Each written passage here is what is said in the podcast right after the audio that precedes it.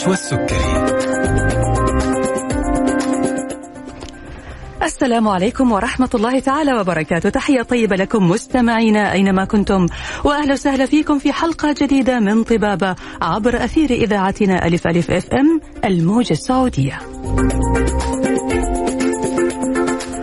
هنكون معاكم لمدة ساعة ابتداء من الآن وإلى الساعة 2 بعد الظهر. ساعة حوارية طبية مباشرة مع ضيف جديد من ضيوفنا المميزين اللي دايما بيشرفونا في برنامج طبابة. برنامج طبابة برنامجكم هو برنامج تفاعلي بنعرض فيه مواضيع صحية مختلفة وبنتكلم عن طرق الوقاية من الأمراض مع عدد من الأطباء الاستشاريين والأخصائيين في المجالات الطبية المختلفة اللي بيشاركونا أبرز المستجدات المتعلقة بعالم الطب والرعاية الصحية. يسعدني أكون معكم من خلف المايك. أنا نشوى السكري في هذه الحلقة من برنامج طبابة وأسعد باستقبال اتصالاتكم على هاتف البرنامج 012 61 61 100 ورسائلكم على واتس البرنامج 055 001 اليوم موضوع حلقتنا عن الألم. مثل ما تعرفوا أنه بعض الآلام اللي بتصيب الوجه بتكون لأسباب مختلفة منها وجود مشاكل في الأسنان أو في الأذن أو غيرها. إيش هي أمراض أو مشاكل الأسنان اللي بتسبب آلام في الوجه وبتأثر على العين والأنف والأذن؟ وإيش العلاقة ما بينها؟ إيش العلاقة بين آلام الوجه والأسنان وعصب الأسنان؟ وهل بالفعل عدوى عصب الأسنان ممكن تنتقل إلى أي جزء آخر من الجسم؟ أسئلة كثيرة بعضها قد يكون صحيح بعضها قد يكون خطأ. هنعرف الإجابة عليها اليوم مع ضيف حلقتنا الدكتور خالد مرداد استشاري وأستاذ مشارك بجامعة الملك عبد العزيز ورئيس الجمعية السعودية لعلاج العصب بالمملكة والرئيس السابق للمجلس العلمي والبورد السعودي. وحاليا استشاري في مجمع اتحاد أطباء الأسنان Unidents. حياك الله دكتور خالد وأهلا وسهلا فيك. حياكم الله. أول شيء أنا حابب أشكرك دكتورة نشوى وأشكر إذاعتكم المميزة ألف ألف أف إم برنامج طبابة على الاستضافة. شكرا. في الحقيقة المعلومات الطبية الموثقة هي معلومات صراحة مهمة وخاصة إذا كانت محايدة.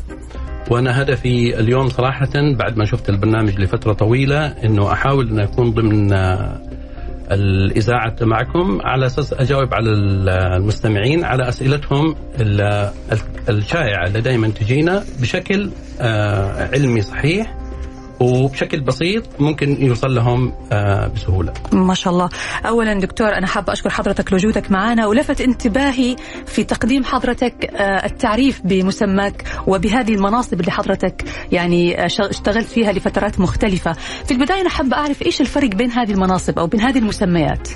في الحقيقة هو طب الأسنان كان بالنسبة لي أنا شخصي كان شغف فكان هي مو مجرد ممارسة هي مجرد علم.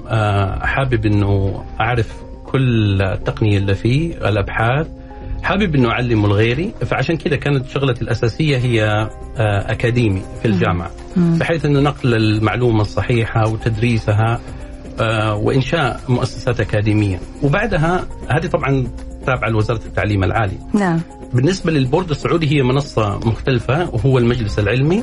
وهذه تعني بتدريب المتدربين اللي في البورد السعودي وإنشاء الدراسات العليا. نعم. وكمان الإشراف عليها. ممتاز. والتصنيف. مم. وهذه كانت مرة مهمة بالنسبة لي مع زملائي أنه ننشئ standard أو قيم معينة في المجتمع تكون أعلى آه، standard قريب من الدراسات اللي نحن درسناها سواء خارج المملكة ويمكن تكون أحسن. مم.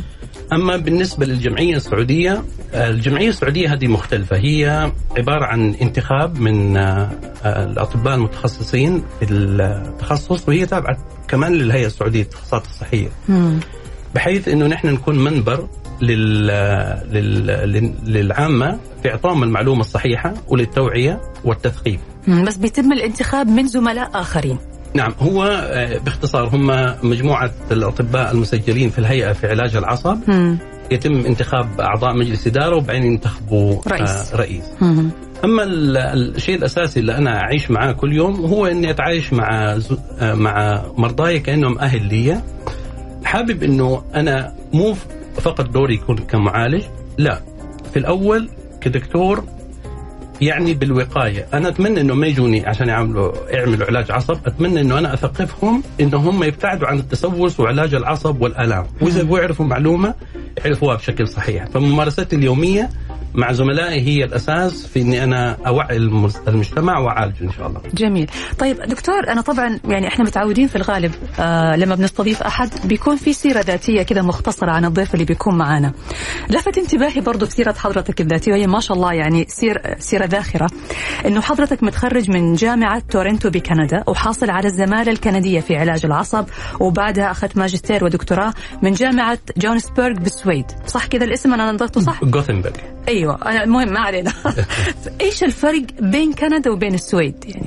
والله في الحقيقة تعرفي هي المدارس الأوروبية تختلف عن المدارس النورث أمريكان مدارس نورث أمريكان معظمها هي مدارس إكلينيكية يعني تهتم بالعلاج وتهتم بالأبحاث. حلو. وهي مميزة ونحن عندنا معظم الدكاترة صراحة اللي متخرجين عندنا في المملكة معظمهم ممارسين فعشان كذا يكونوا من المدارس النورث أمريكان المدارس الأوروبية وخاصة الإسكندنافية هي مختلفة شوية. مم. يعني أحب أعطيك فكرة ليش أنا رحت السويد؟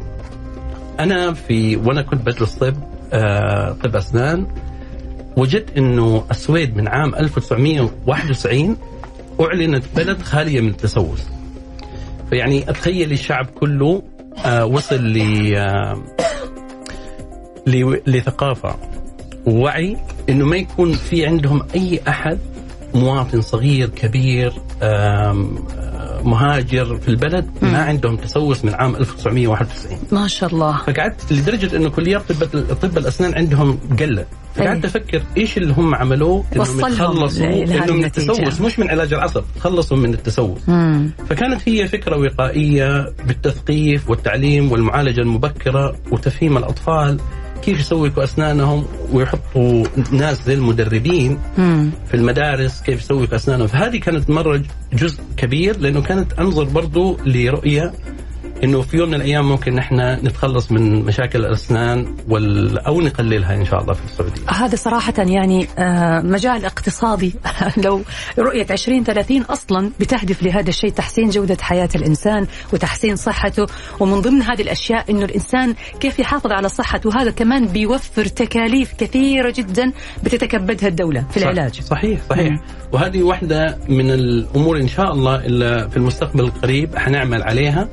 لأنه نحن حريصين تماما على آه، توفير ال- العلاج المناسب لكن الوقاية وخاصه في الجيل حقنا الجيل الصغير في كثير عندنا في المجتمع آه، صغار في السن ممكن من الآن أخذهم لمرحلة تكون خالية إن شاء الله من التسوس من أمراض إن العصب شاء الله. طيب ندخل في موضوع حلقتنا اليوم اللي بنتكلم فيه عن آلام الوجه.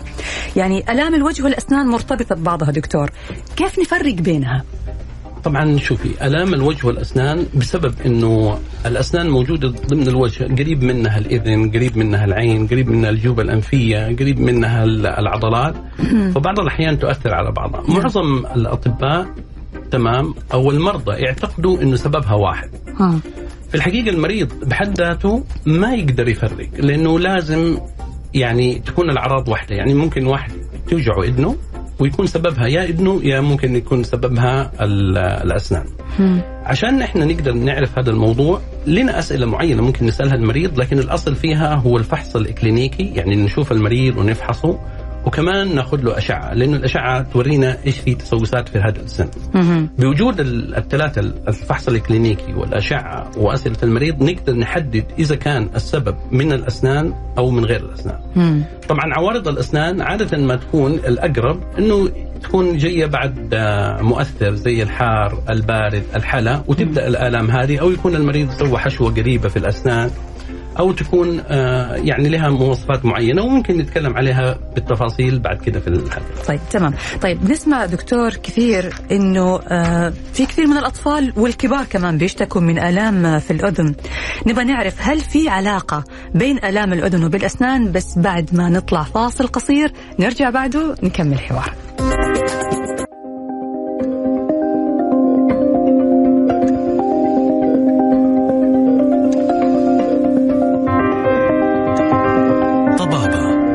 طبابة مع نشوى السكري ورجعنا لكم من جديد مستمعينا الأعزاء وبرنامجكم طبابة على إذاعتكم ألف ألف إف إم الموجة السعودية. وضيفنا اليوم الدكتور خالد مرداد استشاري وأستاذ مشارك قسم علاج عصب ولب الأسنان المجهري ورئيس الجمعية السعودية لعلاج عصب ولب الأسنان وهو استشاري وأستاذ مشارك بجامعة الملك عبد العزيز. حياك الله دكتور وأهلا وسهلا فيك. حياكم الله دكتور قبل الفاصل كنا بنتكلم عن إنه في كثير من الأطفال والكبار كمان بيشتكوا من آلام في الأذن. فإيش العلاقة بين آلام الأذن والأسنان؟ الحقيقة معظم التحويلات اللي بتيجي من الدكاترة حقون الأطفال أو دكاترة الأنف والأذن الحنجره بعد علاج الأطفال يلاقوا إنه ما في سبب آه، مباشر في التهاب في الإذن. وفي الحقيقة العصب لما يلتهب يبدأ يكون المؤثر حقه عام ما يكون على السن فقط. فيبدأ يحس بألم في المنطقة كلها. فعادة هو في الفك العلوي تبدأ تظهر أو الفك السفلي تبدأ تظهر العلامات هذه بعد شرب الحار أو البارد أو حتى بدون سبب عن ألم الألم ممكن يكون ينتقل من الفك العلوي للفك السفلي أو بالعكس من الفك السفلي للفك العلوي ودائما ما يكون عبارة عن ألم في الإذن. بعض الأحيان يشعر فيه المريض بعبارة عن آه، نبض. يحس كأنه جاي كأنه بالنبض أو أو يحسه في عينه مم. وطبعا هذه العلامات تكون في الحالات الالتهاب حق العصب طبعا بعض الأحيان يكون لها مؤثر في البدايات إنه يكون بعد الحار أو البارد أو الحلا تستمر لمدة 30 ثانية أو أكثر وتبدأ يكون في شيء زي الضباب خفيف بعدها مم. إذا التهب العصب وفعلا كان ملتهب تبدأ تكون مستمرة على طول مم. بدون ما تروح إلا بمسكن ونفس الشيء في الحالات حقت اللي يكون فيها لا سمح الله خراج أو شيء زي كذا ما يكون فيها الحار والبارد بس تكون فيه هذه الومضات دائما تكون موجودة. طيب هل يا دكتور في علاقة بين الآلام اللي بنشعر فيها آلام العصب مثلا أو مشاكل الأسنان والعين هل ممكن تأثر على العين؟ هي في الحقيقة بتأثر على العين بأنه بيشعر في ألم في العين أو بعض الأحيان بيحس في نبض في العين مم. وهذه هي العلامة المباشرة اللي هي بتيجي من علاج العصب طبعا هي بتربك المريض بعض مم. الأحيان مم. لأنه بتخليه يحس إنه كأنه عنده ألام الصداع أو الالام هذه يعتقد إنه أسبابها ممكن تكون خارجية على الأسنان مم. مع إنه علاجها جدا جدا سهل وبسيط مجرد ما يشخصها الدكتور غالبا تكون في نفس اليوم في نفس الوقت بدون ألم بدون أي آه، تعب يعني في خلال نص ساعة الدكتور بيشخصها وتروح مم. يروح البيت تماما خالي من الألم هذا. جميل، طيب بما إنه إحنا بنتكلم عن آلام الوجه، إيش الآلام أو الأسباب اللي ممكن تكون سبب في آه، آلام الوجه وما يكون لها علاقة بالأسنان؟ طيب هذه بالعكس يعني نحن بنتكلم إنه إيش الآلام إلا ما تكون مصدرها الأسنان مم. وتكون مصدرها خارجي بس تؤثر على الوجه وممكن كمان تؤثر على الأسنان. أيوه.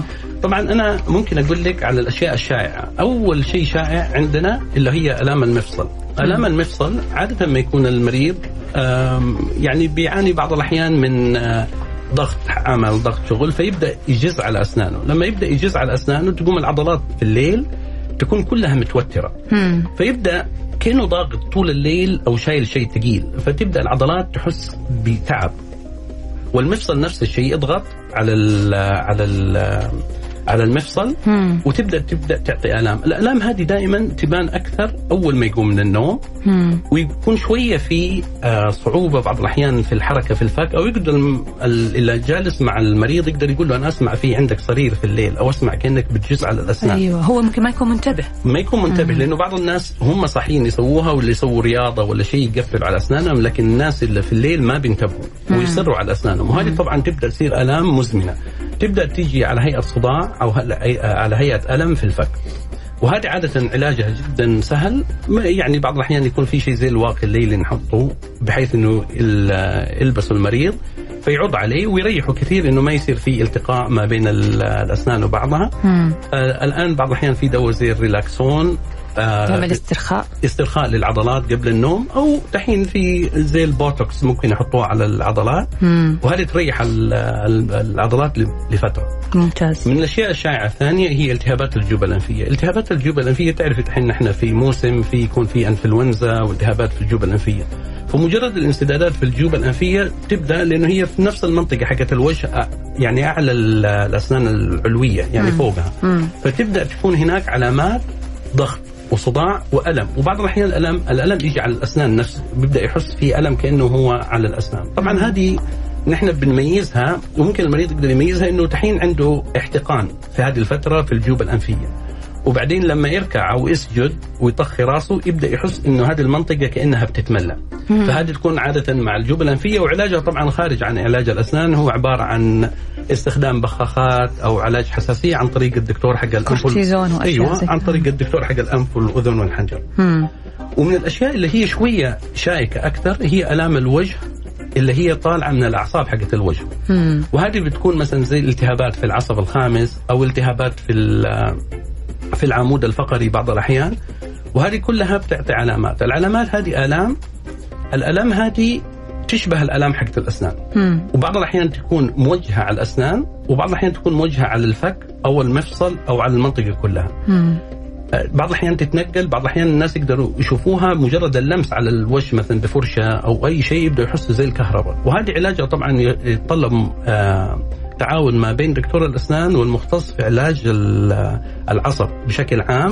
مو علاج عصب الأسنان لأنه علاجها مختلف يحتاج نوعين من العلاج يحتاج إنه الدكتور يعطي له أدوية على أساس تقلل ال- الاحساس هذا يعني دكتور حضرتك تقصد الآن أنه ممكن يكون مشاكل في العمود الفقري في عم يعني فقرات الرقبة نعم ممكن تأثر وتخلينا نشعر بالكهرباء هذه أو باللسعة اللي تيجي في الوجه أيوه نحن عندنا كثير من زملائنا يحولوا لنا الحالات ونحن نحولها لهم هي مم. تكون ضغط في العمود الفقري أو ألام في العصب وتشبه ألام الأسنان.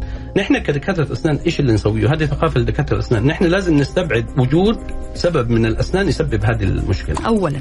هذه رقم واحد. مم. بعد ما نستبعدها نبدأ نعمل الاختبارات اللي تقدر تستثير الألم هذه. وغالبا هذه الاستثارات تكون هي لمس المنطقة أو شيء زي كذا. وبعدين نوجه المريض إلى العلاج عن للدكتور. أنا هذه معلومة بالنسبة لي جديدة تماما دكتور لأنه بتجيني هذه الحالة من وقت للتاني وأنا أتخيل أنه من الأسنان. فمقتنعة تماما أنه أيوة هذا سبب من الأسنان وأروح لدكتور الأسنان يقول لي ما عندك شيء. وانتهى الموضوع. بعدين ترجع تجي مرة ثانية برضه يعني أول مرة أعرف أنها ممكن تكون بسبب فقرات الرقبة. صحيح. وهي المفروض إن دكتور الأسنان واجبه إنه يحول المريض. المفروض المريض ما يدخل في صح. في الحلقة هذه مم. المفرغة اللي هو دكتور يحول يقول ما هو من عندي. لازم يحول الدكتور تنتهي المشكلة حقته. فلازم يكون في ورقة تحويل ولازم تكون في آه، ورقة واضحة مع الأشعة مرسلة للدكتور إنه نحن نقول إنه الأسنان ما لها علاقة. مم. حقول لك على أشياء إضافية في أمراض مزمنة. نعم. زي الأمراض كالتهاب المفاصل أو الفايبروميالجيا التهاب في العضلات أو مم. أشياء زي كذا برضو تأثر في علام في ال- الألام حقت المفصل والفك والأسنان. بس مشكلتها إن هي عامة تكون في كل البدي فهذه سهلة إن نحن نعرفها وعادة المريض ما يكون عنده تاريخ مرضي. مم. وفي أشياء نادرة بس هي موجودة. مثلا لو لا سمح الله التهاب آه، أو واحد عنده ذبحه صدرية الذبحة الصدرية بعض الأحيان تعطي علامات على الكتف الأيسر تمام كتنميل أو ألم مم. أيوه. نفس الشيء تعطي على الفك الأيسر آه في الوجه أيوه في الوجه وهذه قليلة لكن ما يف... ما يفقهوها الدكاترة لكن هذه نحن نقدر نعرفها بالتاريخ المرضي وإن مم. المريض يشكو إنه هو لما يتحرك ولما يمشي ولما يسوي مجهود تبدأ تيجي الآلام وتكون موجودة برضه في في الكتف الكتف وال... والفك. وال- والفك ال- ال- الايسر من الوجه مع التنميل نعم مم. نحن جانا أكثر من مريض مرة ولاحظنا هذا الشيء وحولناه وطلعت المريض كان في حالة طوارئ ويحتاج إنه يتعامل مع أمراض أيوه قسطرة ومسيلات مباشرة في القلب أيوه يعني. واكتشفها من دكتور الأسنان يا الله والله طبيب الأسنان صراحة مهم جدا دوره. يعني أنا قاعدة أشوف فعلا الأسنان لها علاقة بأشياء كثيرة جدا في الجسم بس لها تأثير مباشر على الوجه. وهنا الآلام اللي موجودة في الوجه لازم ما نهملها ابدا يا دكتور وفعلا ناخذها بأهمية قصوى وشديدة. صحيح. طيب. نيجي نتكلم عن علاج عصب الأسنان. يعني كثير من الناس كثير من المرضى عندهم دائما تخوف من علاج العصب يقول لك إنه مؤلم ويأخذ زيارات كثيرة وممكن يكون هو مشغول في عمله ومشغول في أشياء كثير فيأجل الموضوع هذا. كيف بتتعاملوا مع هذه الحالة دكتور؟ طبعا شوفي آم، مشكلة الخوف من طبيب الأسنان موجودة وما نقدر ننكرها مم. والسبب أنه دائما تكون خبرة مريض سابقة أو إيش يسمع من ال... ال... الناس اللي راحوا لأطباء الأسنان فمن ريحة العيادة اللي هي فيها أشياء زي كذا معقمات. أو شيء زي كذا من من وجود الإبرة حقت الصوت يا دكتور الصوت الجهاز اللي صوت, صوت. الدريل صراحة هذا كله شيء مرعب يعني بعض الأحيان للناس ويحتاج له أنه الدكتور يخففه بقدر المستطاع عشان المريض يقدر يعرف لكن مم. اللي أنا أقدر أقول لك هو إنه زمان كان طبيب الأسنان يمارس كل النشاطات حقت الأسنان بما فيها الحشوة والخلع وعلاج العصب وهو ما هو متخصص مم. وما يمتلك التقنية الجديدة اللي هي تقدر تسهل عليه وعلى المريض. المتخصص عادة يتحمل يعني يتعامل مع الحالات هذه بشكل يومي. فتخيلي مثلا أنا على سبيل المثال لي أكثر من 20 سنة في هذا التخصص عالجت أكثر من 40 ألف مريض ما عالج أشياء ثانية عالج بس علاج عصب فأكيد حكون بعد هذا الشيء قريب بادواتي وبمعرفتي بالأشياء إنه أكون ملم بهذه الأشياء. فطبعا أوفر وزملائي كمان يوفروا للمريض التعب فيها. مم. اللي أقدر أقول لك عليه إنه علاج العصب الآن جدا سهل. المفروض إن المريض ما يحس بألم ابدا. جو العيادة المفروض يكون جو مريح. مم. يعني العيادة كبيرة مضاءة فيها surround music فيها نفس الطاقم هذا يكون friendly نحن حتى يعني البالطو بعض الأحيان ما نلبسه نلبس أشياء ثانية عشان المريض بس ما يقدر ياخذ الشكل حق الدكتور مباشرة كأنه دكتور. صحيح. يحسه كأنه صديق. والتعامل كمان مع الدك مع المريض مرة مهم. مم. لأنه بعض الأطباء صراحة يحاول إنه يستغل وقت العيادة كله للعلاج، هو الأفضل إنه أول شيء يتعرف على المريض لأنه واحد عمره خمس سنين مختلف عن واحد عمره 40 سنة.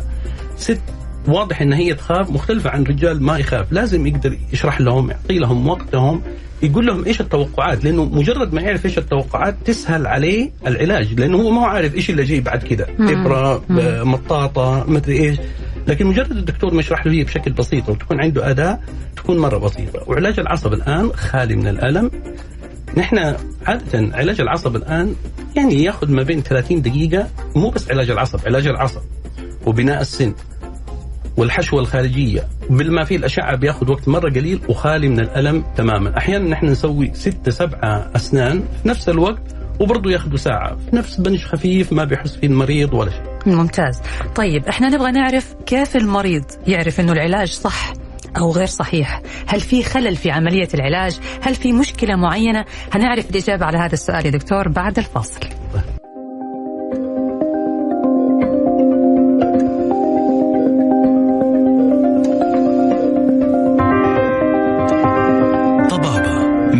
والسكري. وأحييكم من جديد مستمعينا الأعزاء في برنامج طبابة مع ضيفنا اليوم الدكتور خالد مرداد استشاري وأستاذ مشارك بجامعة الملك عبد العزيز ورئيس الجمعية السعودية لعلاج العصب بالمملكة واستشاري في مجمع اتحاد أطباء الأسنان Unidents طبعا بذكركم إنه بإمكانكم التواصل معنا على هاتف البرنامج 012 61 61 100 ورسائلكم على واتس البرنامج 05566 89 001 أرحب فيك مرة ثانية دكتور خالد. هلا مرحبا. وإحنا اليوم بنتكلم عن موضوع مهم للكبار وللصغار للأطفال ولل... يعني للجميع. موضوع الآلام اللي بتصيبنا فجأة وخاصة لما تكون في منطقة الوجه هي منطقة مهمة جدا. كنا بنتكلم قبل الفاصل بنقول كيف المريض؟ حضرتك قلت إنه لا تخافوا موضوع علاج العصب صار جدا سهل والمفروض وهذه راح أحط تحتها خطين هذه الكلمة المفروض إنه المريض ما يشعر بألم أثناء العلاج. كيف يعرف المريض إنه العلاج ماشي بشكل صحيح وما في خلل؟ طبعا تعرفي من وجهة نظري أنا بشوف كيف المريض اولا بيحكم على الدكتور معظم المرضى بعض الأحيان بيحكم على الدكتور بأسلوبه.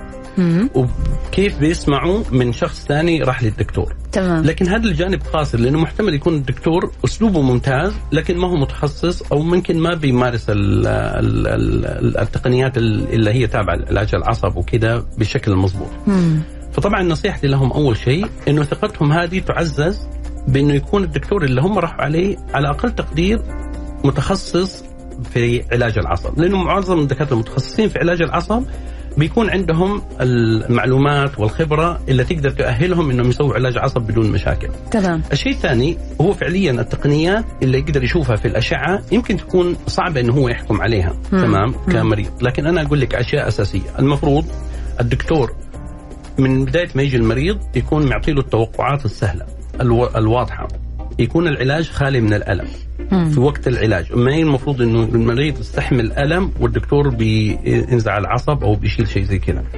ثالث شيء لازم يكون في شيء اسمه العزل المطاطي. طبعا نحن نسمع عن مشاكل كثير نحن نسمعها بعض الأحيان في أحد طاحت حشوة فمه أو بلعها لا سمح الله أو مبرد. هذه كلها بسبب إنه الدكتور ما بيستخدم العزل المطاطي، العزل المطاطي هذا يحمي الشفة واللسان ويحمي المجال التنفسية وكمان يمنع اللعاب إنه يدخل على السن لأنه اللعاب مليان فيه بكتيريا وبيدخل جوا السن وهذا واحد من الأسباب اللي تسبب آه، فشل في علاج العصب المفروض يكون في العزل العزل المطاطي. العلاج المفروض يكون آه، وقته مناسب. طبعا في الأشعة المفروض تكون الحشوة حقت العصب واصل لنهاية السن. بعد العلاج المفروض إنه ما تكون في آلام أو تكون آلام فيه بسيطة مستحملة يقدر ياخذ عليها مسكن. إذا استمرت الآلام أكثر من أسبوع أو 10 أيام دليل إنه قد تكون هناك في مشكلة.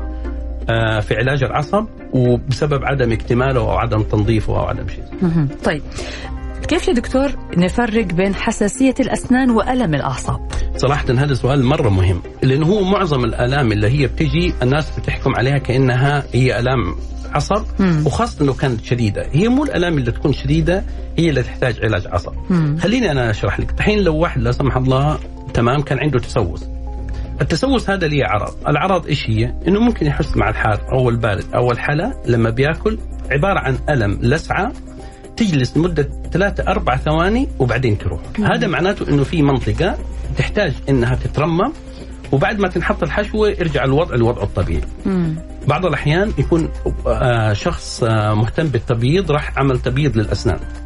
سواء تبييض منزلي أو تبييض عن طريق استخدام معاجين للتبييض معظم التبييض يعمل حساسية في الأسنان مم. فالحساسية هذه مؤقتة وعلاجها جدا آه، سهل عن طريق إنه نحن نعطي, فلورايد لهذه الأسنان ونقلل تركيز ال- المبيضات مم. والأسنان ترجع للطبيعي للطبيعي بعدها بيوم بيومين بثلاثة بدون وجود أي خلل في العصب مم. الالتهابات اللثوية في التهابات لثويه ناتجة عن أمراض لثوية أو تراكمات جيرية أو لا سمح الله بالعكس واحد بيسوي اسنانه بفرشة قاسية بشكل مرة بيجرح. بقوة مم. فبينزل اللثة فبيكشف جزء من الجذر والجذر هذا حساس مم. فتبدأ تصير فيه حساسية للأسنان وهذه الحساسية صراحة مزمنة وتضايقهم لما بيأكل وبيشرب حار وبارد وكذا وهذه علاجها طبعا العلاج اللثوي أول شيء نشيل السبب ونحط الأدوية المضادة للحساسية وتبدأ ترجع لوضعها الطبيعي يعني اللثة ممكن ترجع لمكانها حتى لو صار في انحسار للثة عن عن الضرس أو السن؟ نعم هي في حالات معينة طبعا مم. اللي هي تكون ناتجة عن وجود تراكمات جيرية فالجير بسبب التهاب مم. حول السن مجرد ما تشيل الجير والمريض يبدأ ينظف أسنانه. تبدا ترجع ال- الوضع لوضعه الطبيعي مم. بعض الحالات ال- الأخرى الدكتور يقدر الممارس حق العلاج اللثة يبدأ يغطي اللثة بحالات معينة اللي هي يكون فيها انحسار تقريبا أكبر من اللي هو ممكن يتعالج لحاله. جميل. طيب آه، دكتور بالنسبة للناس اللي عندهم رهاب أو تخوف شديد سواء أطفال أو كبار عندي هنا داخل الاستوديو حالة. عندي مخرج البرنامج عنده فوبيا كبيرة جدا من زيارة طبيب الأسنان. مأثرة عليه ومأثرة على حياته وكل ما طبيب أسنان يقول لا أنا ما أقدر أنا عندي خوف أخاف من زيارة الدكتور. طبعا أنا أقدر أقول له أول شيء ال- البشرى إنه بت... إن شاء الله إنه هذه كلها حتزول مجرد إنه نحن نفهمه إيش الخطوات اللي هي موجودة، علاج العصب هو أكيد إنه كانت في مرحلة كان فيها نوع من الألم في في في معالجة ال- السن. أو إجباره على إنه هو لازم يسوي السن وهو ما يبغى. نعم. وهذه في الحقيقة بتسبب عقدة. والعقدة هذه بتخليه يبتعد عن دكتور الأسنان بشكل عام. مم. العلاج جدا سهل. أول شيء حقول له إنه لا يمكن ولا نسمح إنه يكون في علاج للأسنان سواء عصب أو غير عصب بوجود ألم. مم. طيب. هذه رقم واحد. طيب الخوف من العيادة نفسها. الخوف من العيادة فيه ليه أشياء كثير تأهلها. إنه الم- أول مرة يجي نفهمه إيش اللي هو موجود ونعمل له علاج بسيط جدا بس عشان هو يتهيأ إنه يجلس على الكرسي ويعرف إيش الحركات هذه اللي نحن نقدر نسويها وشيء. ويطمن إنه الدكتور بيتكلم معاه بشكل ويقدر يوقف العلاج في أي وقت يقدر يعالج. لو قال الدكتور أنا ما أبغى أتعالج كان خلاص بها. مم. خلاص. مم. رقم ثلاثة طبعا العلاج أكيد بدون ألم فلكن الناس يخافوا من وخزة الإبرة بعض الأحيان. حتى وخزة الإبرة هذه نحن صرنا نسوي ممارسات ليها عشان ما يخافوا كذا بينرش قبله. الجل؟ أيوه. في شيء زي الهزاز يحطوه على السن بوجود شيء زي البارد لأنه البارد أصلا لما نحطه قبله على المنطقة الإحساس. يقلل الإحساس. يعطي له الدكتور البنج بشكل مرة بسيط لأنه هي مو الإبرة اللي توجع بعض الأحيان.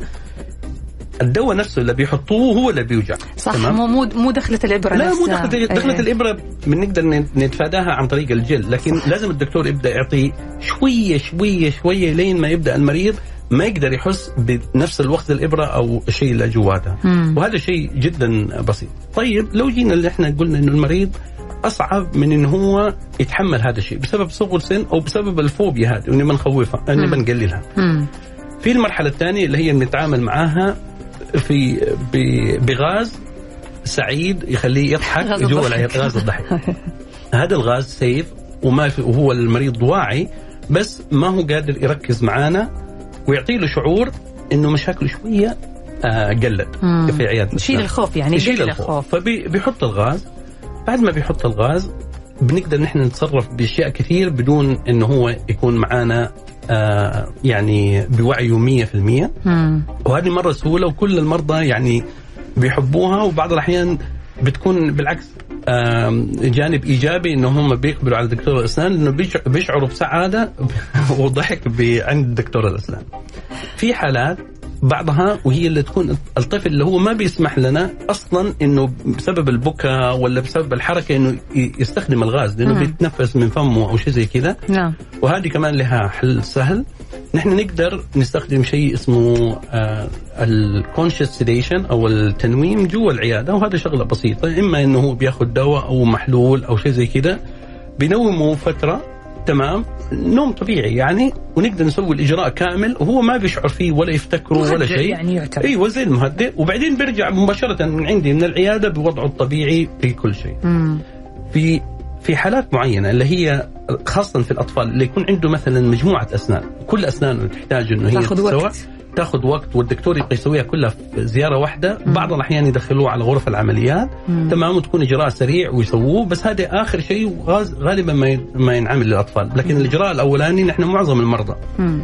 اللي بيجوا بخوف برجع أقول لك إنه بيرجعوا العيادة بعد بست شهور تماما الخوف اللي عندهم راح, راح. تماما والثقة حقتهم مجددة بالدكتور وبدون ألم وهذا وعد يعني اي دكتور المفروض يكون حريص على المريض هذا إنه يكون زي ولده ولا زي أخوه ولا زي أخته يبغى يتأكد تماما إنه بعد عشر سنوات هذا المريض هو تابع لل... لل... للعيادة كأنه جزء منه. والثقه هذه ما تبنى إلا إذا كانت مبنية على الصراحه والتوقعات الصحيحة جميل يا دكتور طيب نيجي دكتور لموضوع ثاني برضو له علاقة بالآلام اللي بيشعر فيها المريض وله علاقة كبيرة جدا بالأسنان وهي آه الخراج يمكن من الأسئلة الكثيرة اللي دائما تدور في أذهاننا هل علاج الخراج يكون بالمضاد الحيوي؟ طبعا تعرفي نحن عندنا آه أو في البداية إسراف في استخدامات المضادات الحيوية مم. والدولة حرصت تماما على أنه تكون المضادات الحيوية أصلا مصروفة عن طريق الدكاترة. لكن بعض الأحيان الدكاترة بيختلط عليهم الوضع وبيعطوا أدوية مضادات حيوية في حالات الالتهاب، طبعا في حالات الالتهاب تماما ما تعطى المضادات الحيوية لأنه ما لها علاقة، الالتهاب نقدر نديله مسكن وهذا هل الخراج يعالج بالمضاد الحيوي؟ كسؤال؟ لا ما يعالج بالمضاد الحيوي. متى؟ طيب خليني أفصل لك هي، متى نستخدم المضاد الحيوي؟ وإيش علاج الخراج؟ المضاد الحيوي يستخدم لما يكون في نفخ كبير، لما يكون في حرارة، لما يكون في مشاكل في الغدد الليمفاوية مع الخراج هذه، هذا معناته إنه الجسم هو اللي بيدافع، فنحن نبغى نعزز الجسم هذا، وهذا دور المضاد الحيوي. بعض المضادات الحيويه نعطيها وقائيا لبعض المرضى اللي هم بياخذوا أدوية للمناعة وقائية. وقائية. نعطيها لواحد مثلا مريض عنده صمام في القلب لأنه المريض اللي عنده صمام في القلب عنده تشانس مع إنه مرة بسيط تقريبا واحد على عشرة ألاف إنه ممكن لا سمح الله تصير له مشكلة في الصمام. فهذا آه زي ما تقولي توافق عالمي إنه هذول المرضى نقلل قابليتهم لهذا الشيء عن طريق نعطيهم جرعة واحدة من المضاد الحيوي قبل العلاج بنص ساعة مم. أو بساعة. الأصح هي ساعة إذا كانت حبوب. نعم. وطبعا نفس الشيء المريض اللي مثلا في مرضى بيكون عندهم يعني كلية متبرع بها أو شيء زي كذا فياخذوا مضادات للمناعة مم. فتكون مناعتهم قليلة. فدول تكون عندهم قابلية بوجود علاج الخراج إنه ممكن لا سمح الله تصير عندهم مضاعفات لأنه ما عندهم مناعة فنعطيهم مضاد حيوي. تمام. أما علاج الخراج العلاج الخراج مرة جدا سهل. هو عبارة عن إزالة السبب اللي هو يكون فيه البكتيريا والبكتيريا تكون هذه جوا السن. مجرد ما ننظفها مباشرة يبدأ العمل في الجسم بالالتئام وتلتئم بشكل طبيعي وما تحتاج مضاد حيوي. ما تحتاج مضاد حيوي زي ما قلت لك لو كان في نفخ أو حرارة أو الغده الليمفاوية آه ملتهب. جميل دكتور. طيب آه ليش يا دكتور يعني آه، هل أو مو ليش هل الضرس بعد علاج العصب بيصير في ضعف؟ طبعا آه، علاج العصب بحد ذاته ما يأكل من السن أكثر من 5% مم.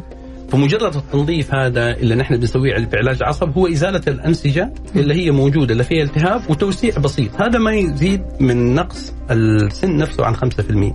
لكن اللي حابب أقول لك عليه عادة لما يجي السن عشان ينعمل له علاج عصب يكون أصلا في حشوات سابقة، يكون في تسوق سابق، يكون في حشوة سابقة، هذا هو السبب الأساسي أيوه. اللي بيضعف السن، لكن علاج العصب ما يضعف السن ولا يخلي السن قابل.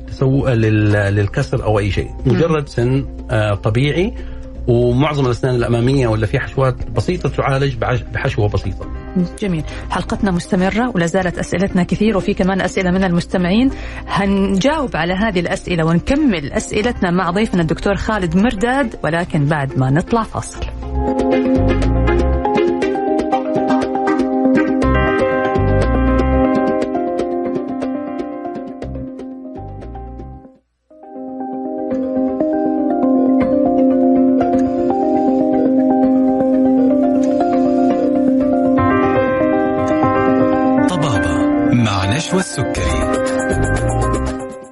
ونرحب فيكم مرة ثانية مستمعينا الأعزاء في برنامجكم طبابة على إذاعتكم ألف ألف أف أم. وضيف حلقتنا اليوم الدكتور خالد مرداد استشاري وأستاذ مشارك بجامعة الملك عبد العزيز رئيس الجمعية السعودية لعلاج العصب بالمملكة واستشاري في مجمع اتحاد أطباء الأسنان يونيدنس وموضوع حلقتنا اليوم عن آلام الوجه والأسنان وعلاقتها بعصب الأسنان اللي دائما هو المتهم الأول رغم أنه مظلوم وما هو دائما السبب في هذه الآلام. بنستقبل اتصالاتكم على هاتف البرنامج 012 61 61 100 ورسائلكم على واتس البرنامج 05566 89001 أرحب فيك مرة ثانية دكتور خالد. هلا حياكم الله. الله يحييك يا دكتور. طيب دكتور آه، بعض الأحيان بيتغير لون الأسنان. إيش الأسباب وكيف ممكن العلاج؟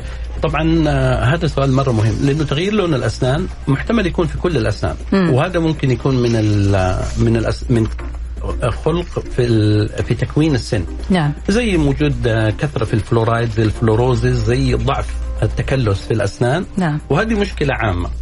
اللي نحن بنتكلم عليها مختصة بعلاج العصب هي لما تغير لون واحد من الأسنان. وعادة هذا كيف بيحصل؟ بيحصل بعد خبطة في السن يبدأ يتغير لون السن ويبدأ يميل للإصفرار.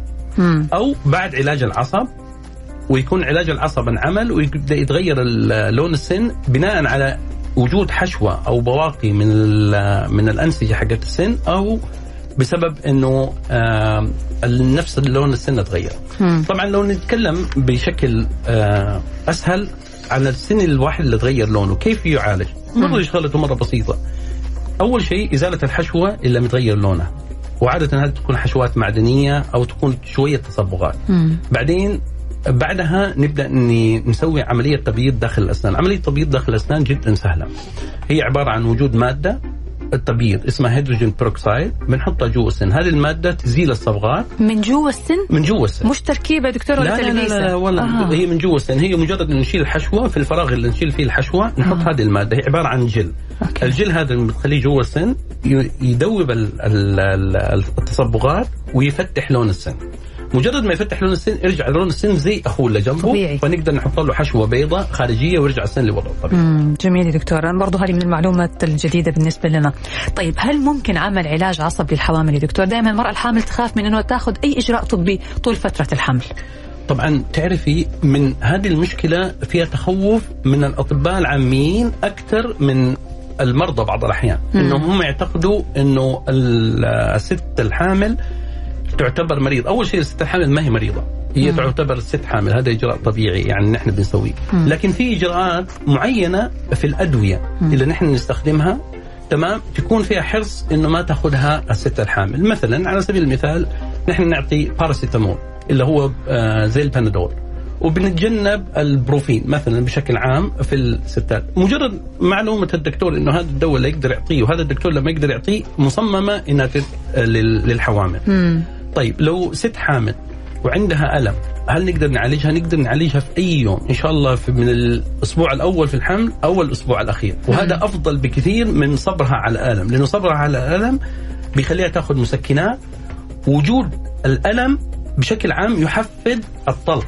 إيوه وهذا شيء ما هو مزبوط ومعظم الدكاترة حقون نساء الولادة هم يعرفوا هذا الشيء وبيحولوهم ويتعالجوا ويعيشوا بقية التسعة شهور أو بقية حالة الحمل بدون أي ألم. ما في أي خطر على الست الحامل في العلاج طالما هو عن بالطريقة الصحيحة، يعني الأشعة اللي بناخذها هي أشعة رقمية وبالحد المطلوب يعني قبل العلاج وبعد العلاج. على سبيل المثال الأدوية اللي بنستخدمها ليها هي أدوية سيف 100% ما هي بتدخل على الجنين. لا لا مو بس ما تدخل على الجنين هي م- مصرحة ومتفق عليها من الجمعيات العالمية كاملة مم. تمام إنه هذه الأدوية اللي نحن نقدر نأخذها. وهذه الأشياء نقدر نستخدمها لكن لو سألتيني سؤال بشكل عام هل ال- الست الحامل تقدر تعمل كل الإجراءات حتى الثانوية نحن نفضل إنه الأشياء اللي تسويها الست في وقت الحمل مم. تكون الأشياء اللي هي مضطرة عليها سواء فيها ألم أو فيها تعب أو فيها لا سمح الله خراج مم. إيش السبب؟ لأنه هي في وجودها على كرسي الأسنان فترات طويلة محتمل بعض الإجراءات حقت الأسنان تتطلب آه، مضادات حيوية أو شيء زي كذا فنحن بنحاول نقللها إذا كانت هي ما تحتاجها تمام لكن في وجود الألم بالتأكيد علاج الألم الإجراء أفضل. الإجراء الإج- آه، علاج الألم أفضل وسيف وما عندها أي مخاطرة عليها وعلى جنينها بل بالعكس هو أأمن على حملها كمان. بالعكس هو امن على حمل طيب إحنا دكتور يعني لسه في عندنا أسئلة مجهزينها لكن في برضو أسئلة جاتنا من المستمعين فلازم نجاوب على طيب. الاسئله عشان ما يزعلوا علينا طيب أفضل. طيب في سؤال يا دكتور يقول هل يؤثر العصب السابع على الأسنان يعني العكس نعم مم. هو يؤثر وعشان كذا هذه واحدة من الأشياء اللي يحتاج إنه الدكتور أول شيء يستبعد الأسنان منها يعني مم. نحن نسوي الاختبارات حقتنا البارد والحار والأشعة والفحص الإكلينيكي مم. ونستبعد وجود الأسنان مم. بعدين مواصفات سواء العصب الخامس أو العصب السابع على الأسنان لها مواصفات معينة في الألم مم. تمام زي المضادات وكيف تطلع وكيف هي مع اللمس ومتى في أي وقت وكم عمرها مم. يعني الألم حق الأسنان عادة واضح. ما يجي في يعني يعتبر حاد. يعني مثلا في خلال أسبوع في خلال بعد حشوات إيه، ما يستمر أسبوعين يروح مع المسكنات. مم. هذه الآلام اللي يشتكوا منها المرضى تكون مزمنة. يعني تكون ست شهور سنة سنتين وهو دائما بيشعر بهذه الآلام. مم. هذه الآلام حلولها موجودة لكن حلولها ما هو موجوده عند دكتور الأسنان. دكتور تعرف. الأعصاب. عند دكتور الأعصاب لكن لازم دكتور الأسنان يعطي report أو إنه ما تقرير هي ما هي سببها من الأسنان ويقول له إيش الأشياء اللي شافها مع إرسال آه تقرير بأشعة وهذه الأشياء إنها تخلي مسؤوليته وعلاجها جدا بسيط طبعا تعرف زي هذه الأشياء بعض الأحيان يعالجوها بالكورتيزون مم. وبعض الأحيان بأدوية زي التيجريتول وأشياء زي كذا مباشرة المريض يقدر يلاقي النتيجة بعدها بثلاثة أربع أيام تبدأ تظهر العلامات تحسن في التحسن. ممتاز طيب سؤال ثاني دكتور يقول قمت بإزالة عصب لضرس العقل آه، لضرس العقل عندي وقمت بحشوة ونصحني الطبيب بتركيب تلبيسة ولم أقم بتركيب تلبيسة فهل يلزم تركيبها؟ طبعا شوفي أول شيء ضرس العقل مختلف عن الأضراس كلها في ال في ال في ال عندنا في الأسنان. معظم ضروس العقل هي بتسوس بسبب إن هي بعيدة أو غير بارزة. مم. فوجودها قد يكون مسار إنها تسوس بعد وجود علاج العصب وخاصة ان هو ما ما ما بيقدر يسويها مظبوط لأنه في نفس السبب. فعشان كذا بعض الأحيان إذا كانت ما هي بارزة وموجودة الأسنان الثانية كلها أمامها فيفضل الدكتور إنه يعطى المريض فرصة إنه يشيلها لأنه ما يحتاجها كثير. مم. تمام. فلو نجي نتكلم على ال- ال- التلبيسة أو هل يحتاج لها تلبيسة التلبيسه نحن نحتاجها بعد تقييم قديش باقي من السن مم. فإذا كان اللي باقي من السن هو جزء جدا بسيط لازم. والحشوه ما تقدر آه تستحمل إن هي تمسك على الجدران فالدكتور يقدر يحط تلبيسه بس عشان لا ينكسر السن مم.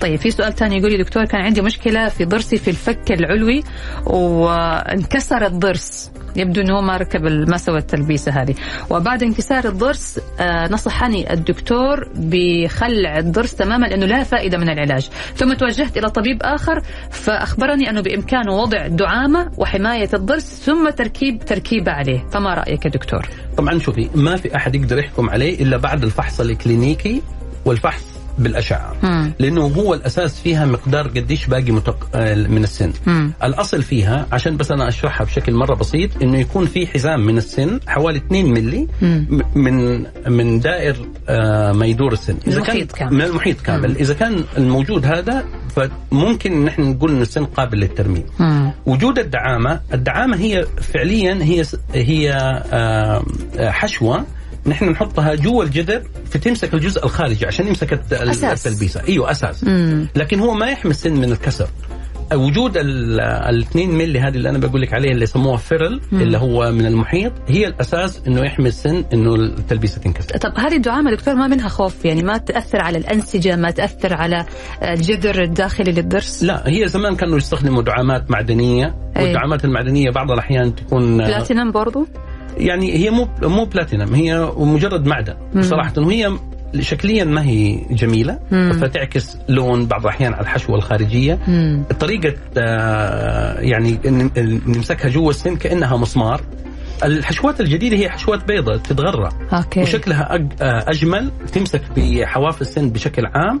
وهي الأفضل. وهي طبعا نحن نحطها في كل سن نحن ما في له سطح خارجي عشان نبني سطح خارجي عشان نقدر آه، نحطها يعني كأساس عشان التلبيس. جميل. طيب سؤالي دكتور هل الأفضل معجون الأسنان بالفلورايد أم الخالي من الفلورايد؟ للأطفال أقل من من ثلاث سنين. طبعا الفلورايد خليني أنا أقول لك الفلورايد عنصر أساسي موجود حتى في الموية اللي نحن نشربها. مم. تمام؟ حتلاقي فيه موجود فلورايد موجود فيها. فالفلورايد هو عنصر موجود.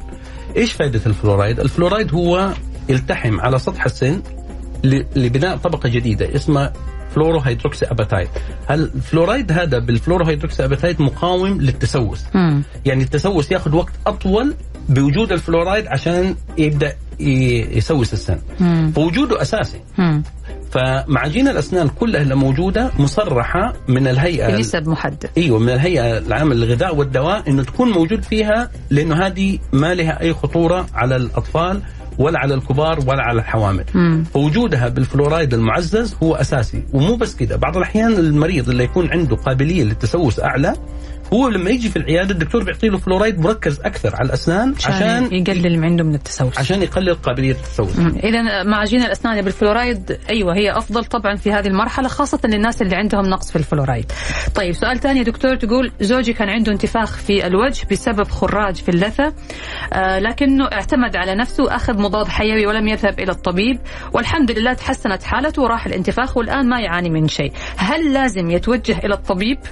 هو طبعا هذه واحدة من الأشياء اللي نحن بنتكلم عليها دائما. وجود الخراج في السن هو ليه علامات حادة العلامات الحادة اللي هو انتفاخ. لكن إذا ما شالت السبب هي مجرد وقت إلين ما يرجع له مرة ثانية يعني هي لو انتظرت على زوجها بعد ست شهور حيرجع تاني. حيرجع ينتفخ لكن في كل مرة بينتفخ أكثر كل مرة العظم اللي حول السن. بيزداد آه. وكل ما ازداد التأثر هذا كل ما كان البقية من يعني جودة السن إنه يبقى ممكن تكون أقل لأنه العظم اللي حوله بيروح. وجود خراج جوا السن شيء غير محمود حتى لو كان ألمه بسيط. أنا بشكرك جزيل الشكر الدكتور خالد مرداد استشاري وأستاذ مشارك بجامعة الملك عبد العزيز ورئيس الجمعية السعودية لعلاج العصب بالمملكة واستشاري في مجمع اتحاد أطباء الأسنان يولي دنس. شكرا جزيلا لوجودك معنا في حلقة اليوم يا دكتور. والله أنا أشكرك صراحة على إعطائي هذه الفرصة وأنا أطمح إن شاء الله زي نحن ما تكلمنا برا الهواء على مبادرات. المبادرات هذه بإذن الله نحن حنحاول إنه يعني ننميها بحيث إنها تفيد المجتمع والرؤية. المبادرات هذه ممكن تكون ل- لوزارة التعليم ممكن تكون لهذه بإنه نعطي الجيل الجديد ثقافة ويمكن دعم حتى بأشياء مرئية سهله بسيطة بفرش بمعاجين عشان ننشئ إن شاء الله جيل جديد معانا. ومعاكم خالي إن شاء الله من التسوس من الأمراض الفم. إن شاء الله دكتور شكرا جزيلا لحضرتك. الشكر موصول لكم أنتم أيضا مستمعينا الأعزاء على وعد بلقاء جديد إن شاء الله في حلقة الغد وبرنامجكم طبابة تقبلوا تحياتي أنا نشوى السكري من خلف المايك ومخرج هذه الحلقة رائد باراجي في حفظ الله ورعايته